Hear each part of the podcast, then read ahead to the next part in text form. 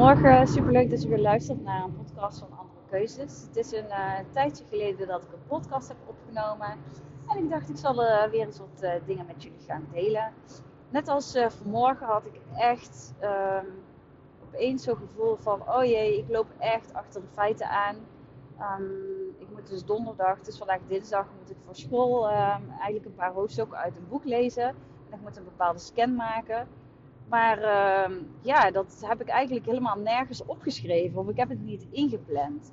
En als je het dan niet inplant, dan opeens dan popt het weer uh, in je hoofd omhoog. En dan denk je, oh jee, ik ben eigenlijk, uh, eigenlijk te laat daarmee.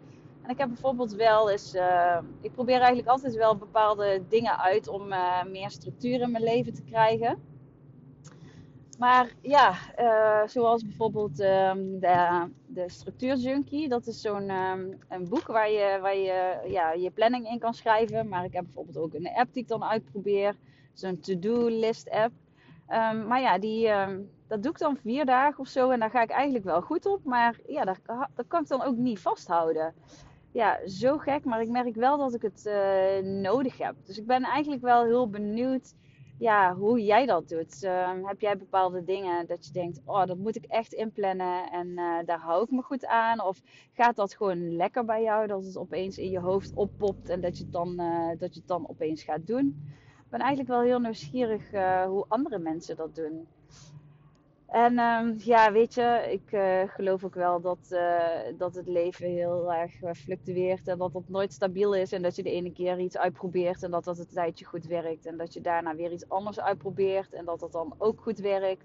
Of dat iets ook gewoon een tijdje niet werkt. Ja, dat kan natuurlijk ook.